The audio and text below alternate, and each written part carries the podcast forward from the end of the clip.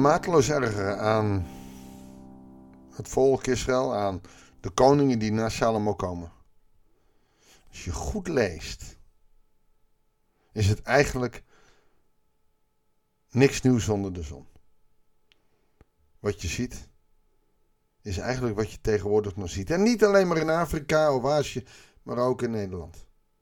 De ego's winnen. We doen het zelf wel. En ik heb het wel eens eerder gezegd en ik heb ook afgelopen zondag in mijn preek er nog over gehad. Soms bidden we zo richting onszelf dat we denken, onbewust, dat we het beter weten dan God. Heer wilt u dit, Heer wilt u dat. En zo moet je niet bidden. Goedendag, hartelijk welkom bij een nieuwe uitzending van het Bijbels Dagboek. Het Rijk gaat scheuren, niet zo'n klein beetje ook. En um, zie hier de scheuring van het tien en het twee stammenrijk. Of het één stammenrijk. Israël, de berg. Sion tegenover de rest. Maar dan krijg je de egootjes die opvolgen. De, er zijn een, mensen die zeggen: ja, joh, met David, huis van David willen we niks meer te maken hebben. Ze gaan helemaal voor zichzelf. Het wordt een grote puinhoop. In het beloofde land. Waar ego's heersen. We lezen 1 Koningen 12, vers 33 tot en met hoofdstuk 13, vers 10.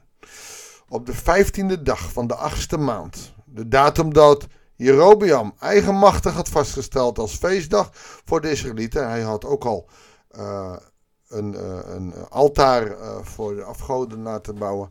Besteeg hij de treden naar het altaar dat hij in Bethel had laten maken om er een offer te brengen. Hij heeft een andere God binnengehaald. En we weten, het twee gouden stierenkalven gemaakt. We weten hoe God erover denkt. Hij stond al bij het altaar klaar toen er een godsman uit Juda aankwam, die door de Heer gezonden was. En een bevel van de Heer riep hij tegen het altaar, niet tegen de koning, tegen het altaar. Altaar, altaar. Nou, als je een verdubbeling hoort, dus altaar, altaar, is dat een soort aan. Het zal waar en zeker zijn. Dit zegt de Heer. De familie van David zal een zoon worden geboren, Joshua geheten. Op jou zal deze Joshua de priesters van de offerplaats die wierook op je branden ten offer brengen. Oftewel, Joshua uit de stam van David zal de priesters die in dit afgolde uh, paleis uh, offeren, die zullen daar geofferd worden. Hierop kondigde hij een wonder aan. Dit is het teken dat de Heer is die gesproken heeft. Het altaar zal splijten en de as die erop ligt zal op de grond vallen. Dat, dat was ook in afgodendiensten uh, kwetsend, want die as hoorde bij het offer en dat moest, mag niet op de grond. Toen de koning hoorde wat de godsman over het altaar in Bethel zei, stak hij over het altaar heen zijn hand naar hem uit en beval: Grijp hem! Want de koning wilde dit niet, hij wilde dit altaar houden maar zijn uitgestrekte arm verstijfde. Hij kon hem niet meer naar zich toe bewegen. Toen spleet het altaar en de as viel op de grond. Zoals de godsman in opdracht van de Heer had aangekondigd. Dat is een wonder. Twee eigenlijk. Het altaar breekt. En de koning staat met een stijf arm. Alsjeblieft, smeekte de koning tot de godsman. Bid voor mij en probeer de Heer uw God te vermurven, zodat ik mijn arm weer kan bewegen. De godsman wist de Heer mild te stemmen, zodat de koning zijn arm weer kon bewegen zoals eerst. En toen zei de koning: Kom met me mee naar huis.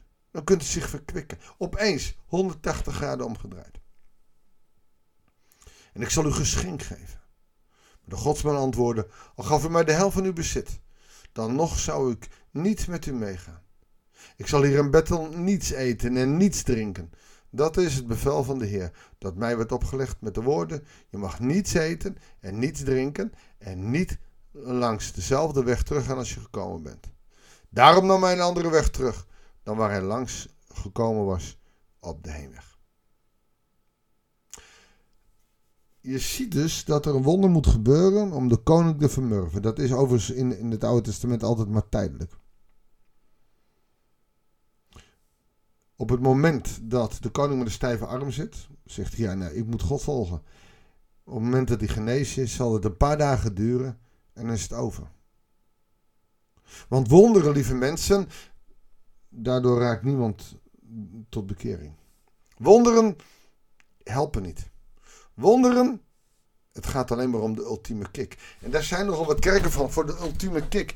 En, en, en daar gaat het niet om. Het gaat gewoon om het pure geloof in God en je afhankelijk kunnen stellen van die God.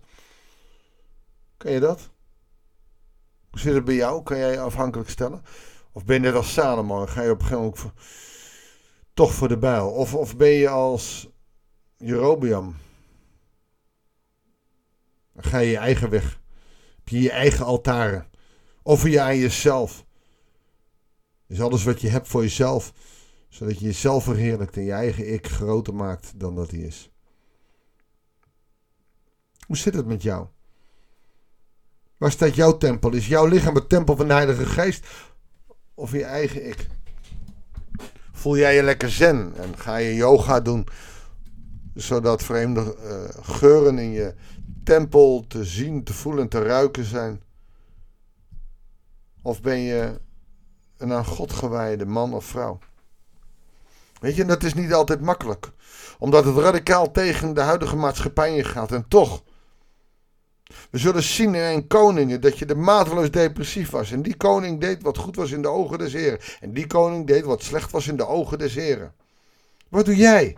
Doe jij wat goed is in de ogen des Heren? Als God naast je staat, als Jezus naast je staat, wat moet Jezus doen? Zou hij trots zijn op je? Of zou zeggen, ja jongen, je doet het helemaal verkeerd?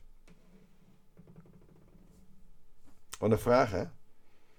Mooi om daar deze week eens over na te denken. En te kijken of je daar voor jezelf ook antwoord op hebt. Probeer jij de wil van God te doen? Doe jij de wil van God? Of ben je in ieder geval op zoek naar de wil van God?